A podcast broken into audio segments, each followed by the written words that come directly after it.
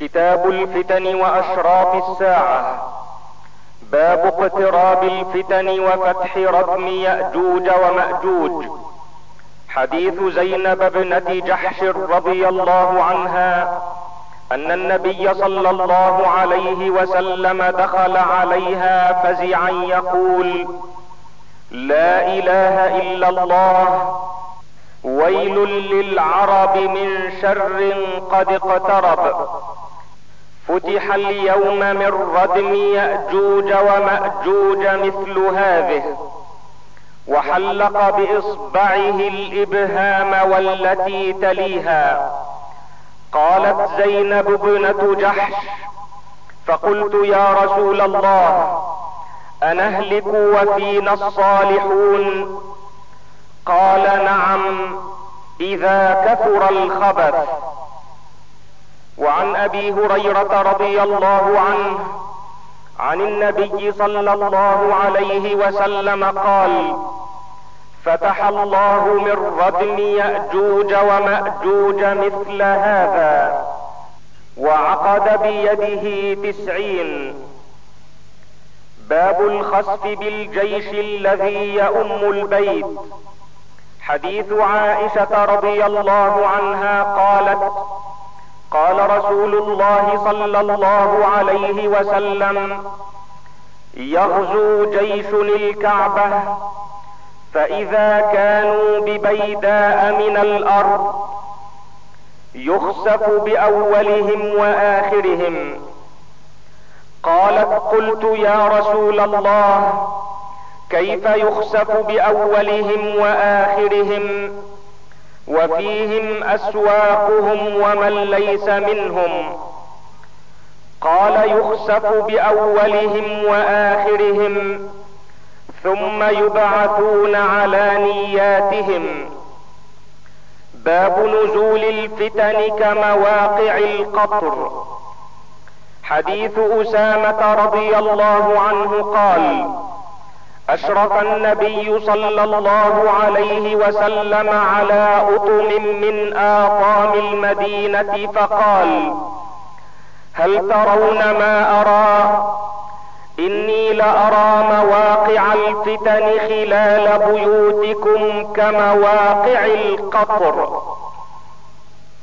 وعن أبي هريرة رضي الله عنه قال قال رسول الله صلى الله عليه وسلم ستكون فتن القاعد فيها خير من القائم والقائم فيها خير من الماشي والماشي فيها خير من الساعي ومن يشرف لها تستشرفه.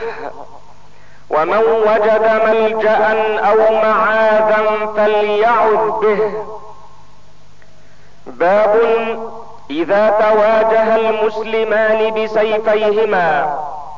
حديث أبي بكرة رضي الله عنه عن الأحنف بن قيس قال ذهبت لأنصر هذا الرجل فلقيني أبو بكرة فقال أين تريد؟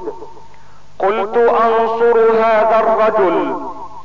قال ارجع فإني سمعت رسول الله صلى الله عليه وسلم يقول إذا التقى المسلمان بسيفيهما فالقاتل والمقتول في النار.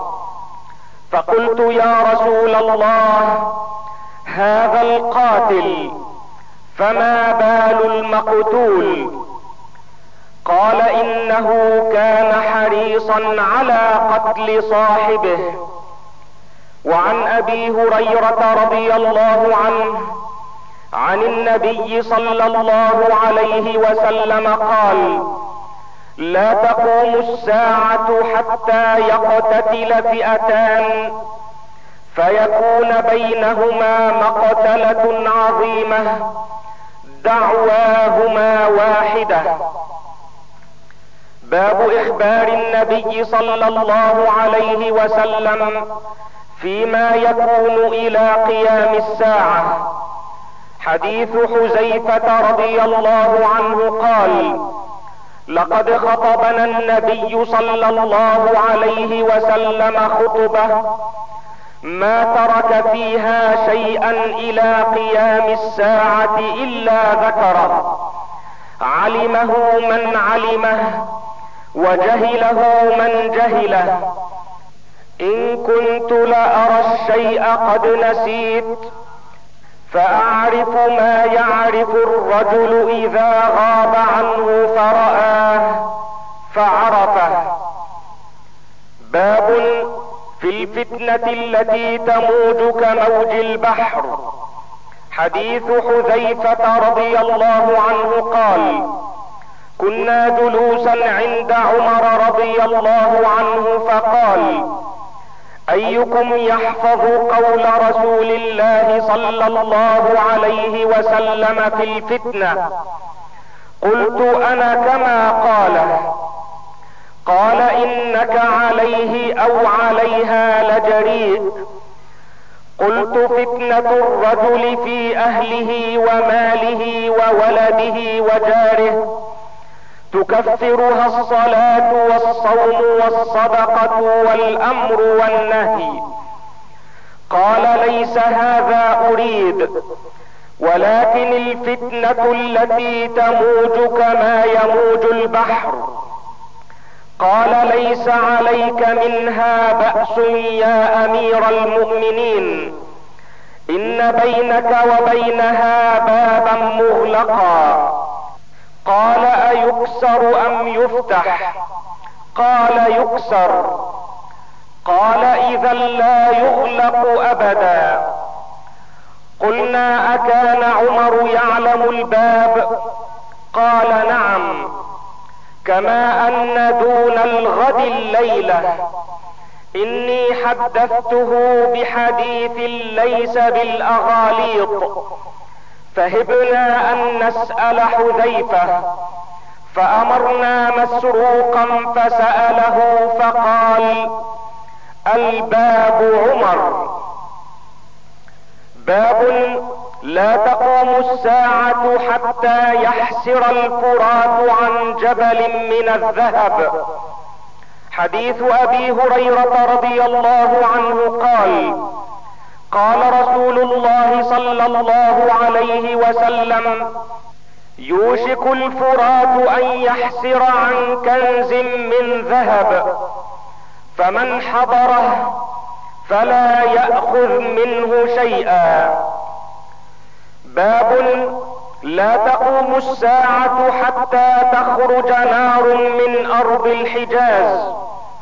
حديث أبي هريرة رضي الله عنه أن رسول الله صلى الله عليه وسلم قال لا تقوم الساعة حتى تخرج نار من أرض الحجاز. تضيء أعناق الإبل ببصرى. باب الفتنة من المشرق من حيث يطلع قرن الشيطان. حديث ابن عمر رضي الله عنهما أنه سمع رسول الله صلى الله عليه وسلم وهو مستقبل المشرق يقول ألا إن الفتنة هاهنا من حيث يطلع قرن الشيطان. باب لا تقوم الساعة حتى تعبد دوس ذا الخلصة. حديث أبي هريرة رضي الله عنه أن رسول الله صلى الله عليه وسلم قال لا تقوم الساعة حتى تضطرب أليات نساء دوس على ذي الخلصة.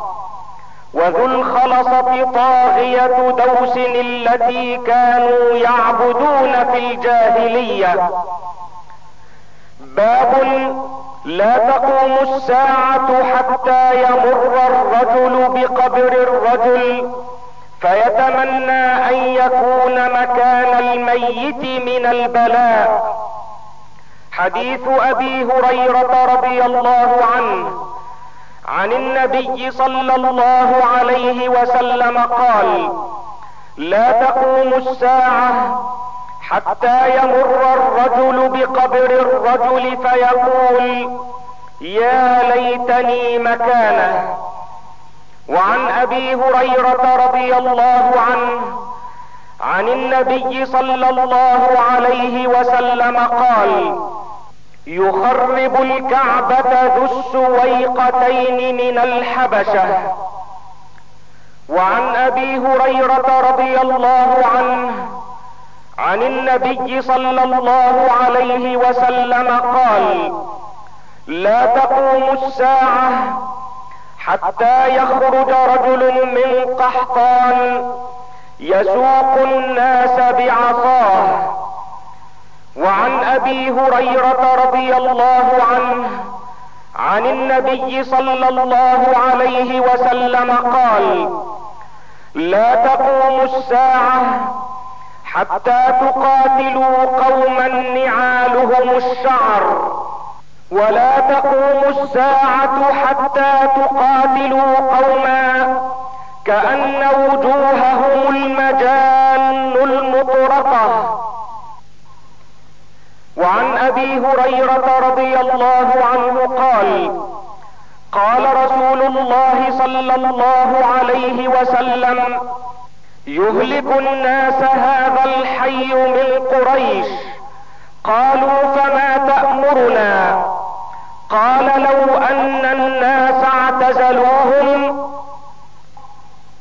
وعن أبي هريرة رضي الله عنه عن النبي صلى الله عليه وسلم قال هلك كسرى ثم لا يكون كسرى بعده وقيصر ليهلكن ثم لا يكون قيصر بعده. ولتقسمن كنوزهما في سبيل الله. وعن جابر بن سمرة رضي الله عنه قال قال رسول الله صلى الله عليه وسلم إذا هلك كسرى فلا كسرى بعده. وإذا هلك قيصر فلا قيصر بعده. والذي نفسي بيده لتنفقن كنوزهما في سبيل الله. وعن عبد الله بن عمر رضي الله عنهما قال سمعت رسول الله صلى الله عليه وسلم يقول تقاتلكم اليهود فتسلطون عليهم. ثم يقول الحجر يا مسلم هذا يهودي ورائي فاقتله. وعن أبي هريرة رضي الله عنه عن النبي صلى الله عليه وسلم قال لا تقوم الساعة حتى يبعث دجالون كذابون قريبا من ثلاثين. كلهم يزعم أنه رسول الله. باب ذكر بن صياد. حديث عبد الله بن عمر رضي الله عنهما قال إن عمر انطلق في رهط من أصحاب النبي صلى الله عليه وسلم مع النبي صلى الله عليه وسلم قبل بن صياد حتى وجدوه يلعب مع الغلمان. عند اطم بني مغالة. وقد قارب يومئذ ابن صياد يحتلم فلم يشعر حتى ضرب النبي صلى الله عليه وسلم ظهره بيده. ثم قال النبي صلى الله عليه وسلم أتشهد أني رسول الله صلى الله عليه وسلم؟ فنظر إليه ابن صياد فقال أشهد أنك رسول الأميين. فقال ابن صياد للنبي صلى الله عليه وسلم أتشهد أني رسول الله؟ النبي صلى الله عليه وسلم آمنت بالله ورسله. قال النبي صلى الله عليه وسلم ماذا ترى؟ قال ابن صياد يأتيني صادق وكاذب. قال النبي صلى الله عليه وسلم خلط عليك الأمر. قال النبي صلى الله عليه وسلم إني قد خبأت لك خبيئا. قال ابن صياد هو الدخ قال النبي صلى الله عليه وسلم اخسأ فلن تعدو قدرك. قال عمر يا رسول الله ائذن لي فيه أضرب عنقه. قال النبي صلى الله عليه وسلم إن يكنه فلن تسلط عليه وإن لم يكنه فلا خير لك في قتله. وعن ابن عمر رضي الله عنهما قال انطلق النبي صلى الله عليه وسلم وأبي بن كعب يأتيان النخل الذي فيه ابن صياد حتى إذا دخل النخل طفق النبي صلى الله عليه وسلم يتقي بجذوع النخل وهو يختل ابن صياد أن يسمع من ابن صياد شيئا قبل أن يراه. وابن صياد مضطجع على فراشه في قطيفة له فيها رمزة. فرأت أم صياد النبي صلى الله عليه وسلم وهو يتقي بجذوع النخل. فقالت لابن صياد أي صاف وهو اسمه. فثار ابن صياد فقال النبي صلى الله عليه وسلم لو تركته بين وعن ابن عمر رضي الله عنهما قال ثم قام النبي صلى الله عليه وسلم في الناس فأثنى على الله بما هو أهله. ثم ذكر الدجال فقال إني أنذركموه وما من نبي إلا قد أنذره قومه. لقد أنذره نوح قومه. ولكن سأقول لكم فيه قولا لم يقله نبي لقومه. تعلمون أنه أعور وأن الله ليس بأعور. باب ذكر الدجال وصفته وما معه. حديث عبد الله بن عمر رضي الله عنهما قال ذكر النبي صلى الله عليه وسلم يوما بين ظهري الناس المسيح الدجال. فقال إن الله ليس بأعور. ألا إن المسيح الدجال أعور العين اليمنى كأن عينه عنبة طافية. وعن أنس رضي الله عنه قال قال النبي صلى الله عليه وسلم ما بعث نبي إلا أنذر أمته الأعور الكذاب. ألا إنه أعور. وإن ربكم ليس بأعور. وإن بين عينيه مكتوب كافر. حديث حذيفة رضي الله عنه. قال عقبة بن عمرو لحذيفة ألا تحدثنا ما سمعت من رسول الله صلى الله عليه وسلم؟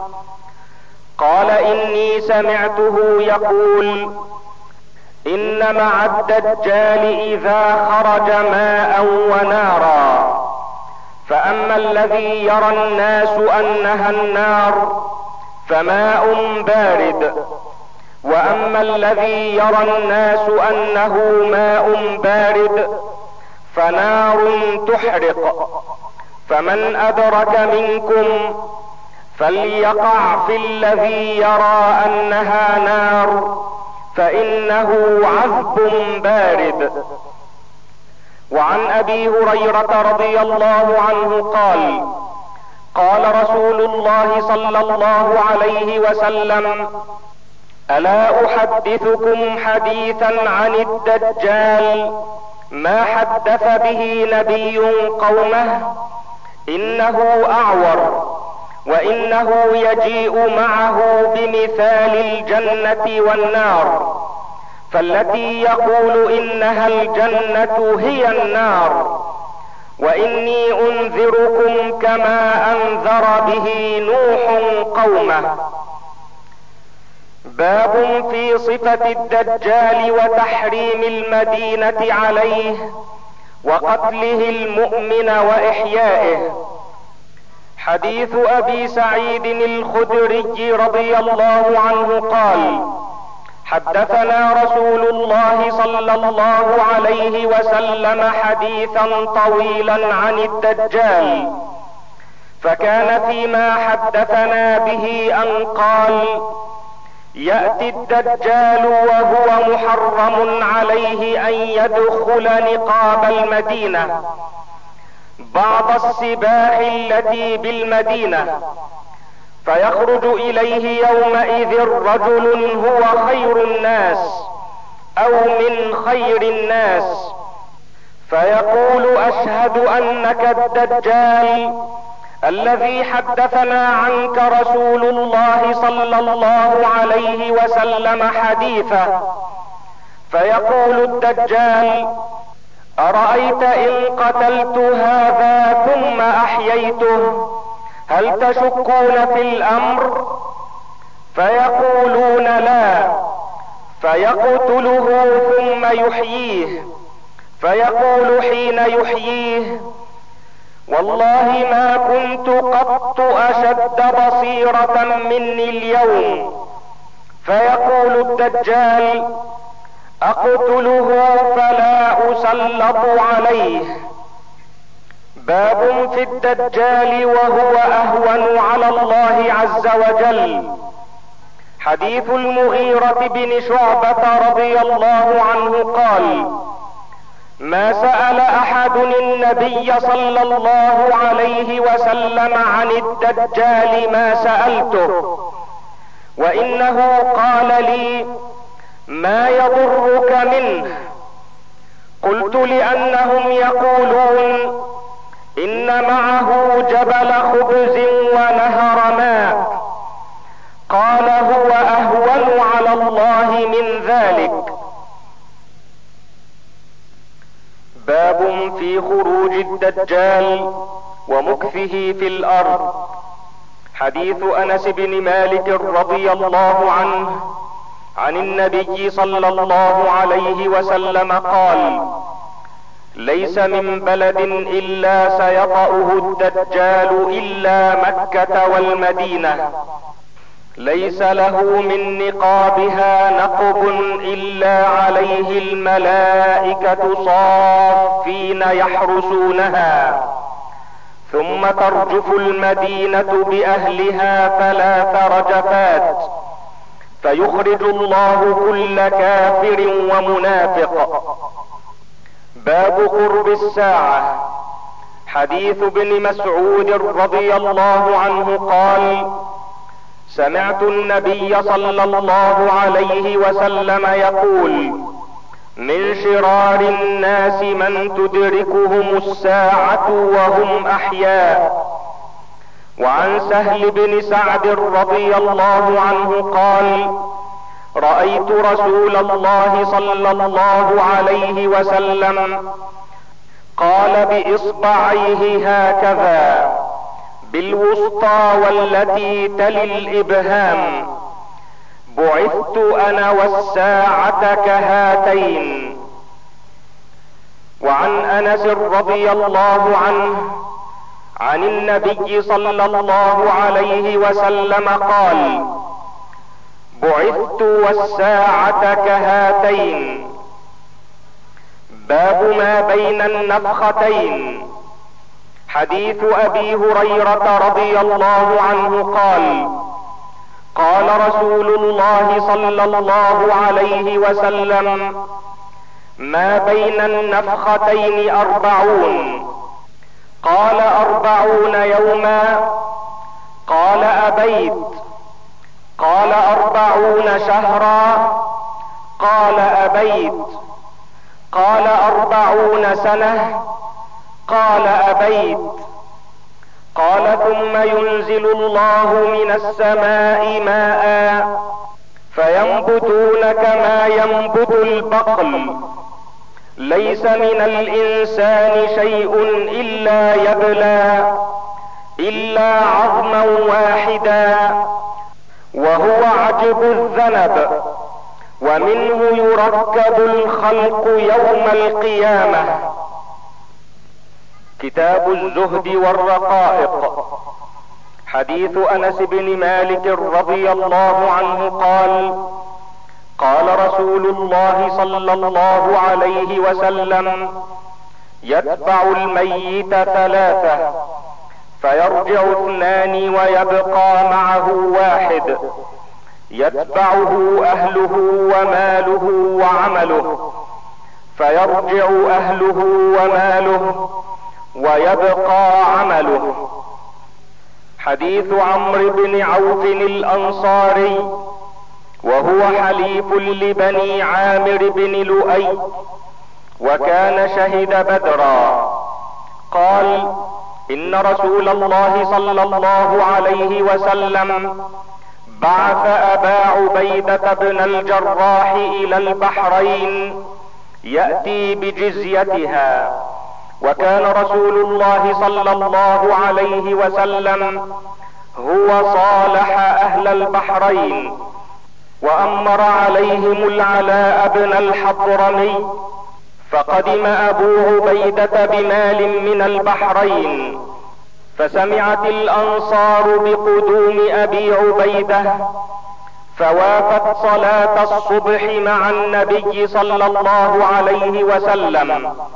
فلما صلى بهم الفجر انصرف فتعرضوا له فتبسم رسول الله صلى الله عليه وسلم حين رآهم وقال أظنكم قد سمعتم أن أبا عبيدة قد جاء بشيء.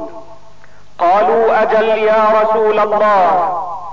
قال فأبشروا وأملوا ما يسركم.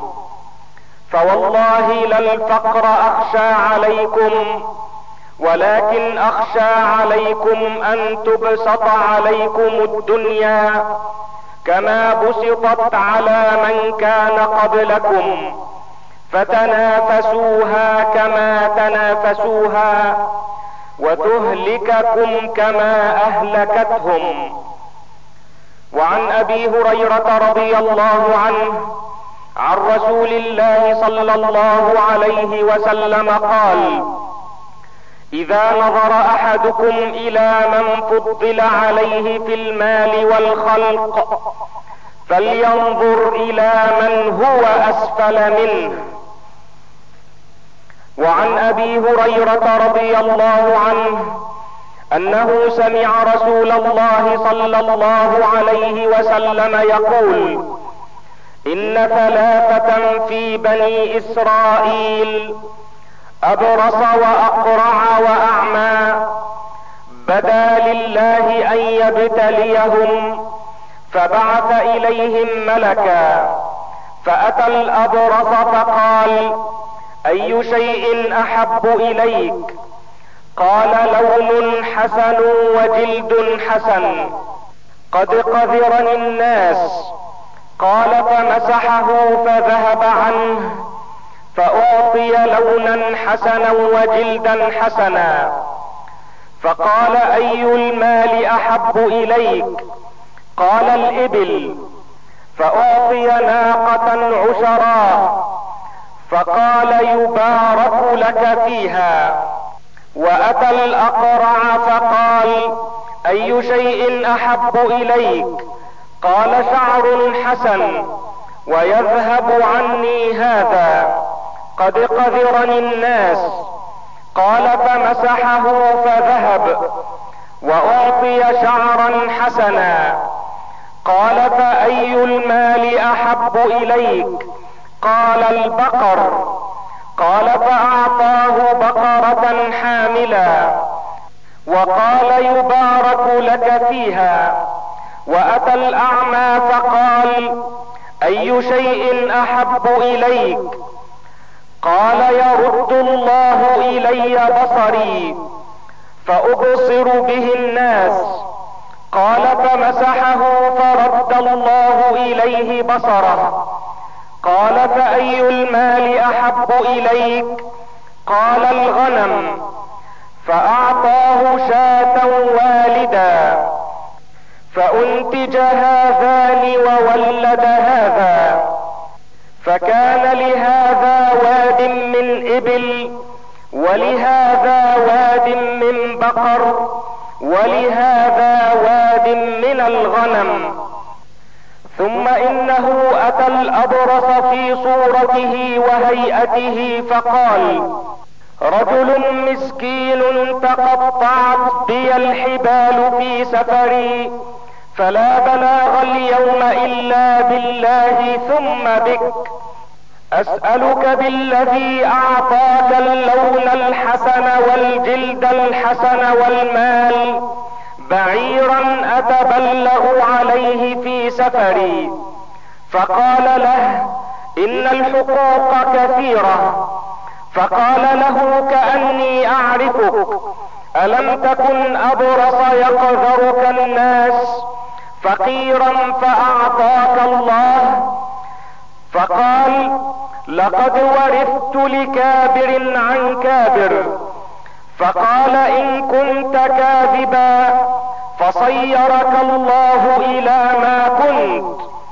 وأتى الأقرع في صورته وهيئته. فقال له مثل ما قال لهذا. فرد عليه مثل ما رد عليه هذا. فقال إن كنت كاذبا فصيرك الله إلى ما كنت. وأتى الأعمى في صورته فقال رجل مسكين وابن سبيل وتقطعت بي الحبال في سفري فلا بلاغ اليوم إلا بالله ثم بك. أسألك بالذي رد عليك بصرك شاة أتبلغ بها في سفري. فقال قد كنت أعمى فرد الله بصري وفقيرا فقد أغناني. فخذ ما شئت فوالله لا أجهدك اليوم بشيء أخذته لله. فقال أمسك مالك فإنما ابتليتم فقد رضي الله عنك وسخط على صاحبيك. وعن سعد رضي الله عنه قال إني لأول العرب رمى بسهم في سبيل الله. ورأيتنا نغزو وما لنا طعام إلا ورق الحبلة وهذا السمر. وإن أحدنا ليضع كما تضع الشاة ما له خلط. ثم أصبحت بنو أسد تعزرني على الإسلام. خبت إذا وضل سعيي. وعن أبي هريرة رضي الله عنه قال قال رسول الله صلى الله عليه وسلم اللهم ارزق آل محمد قوتا.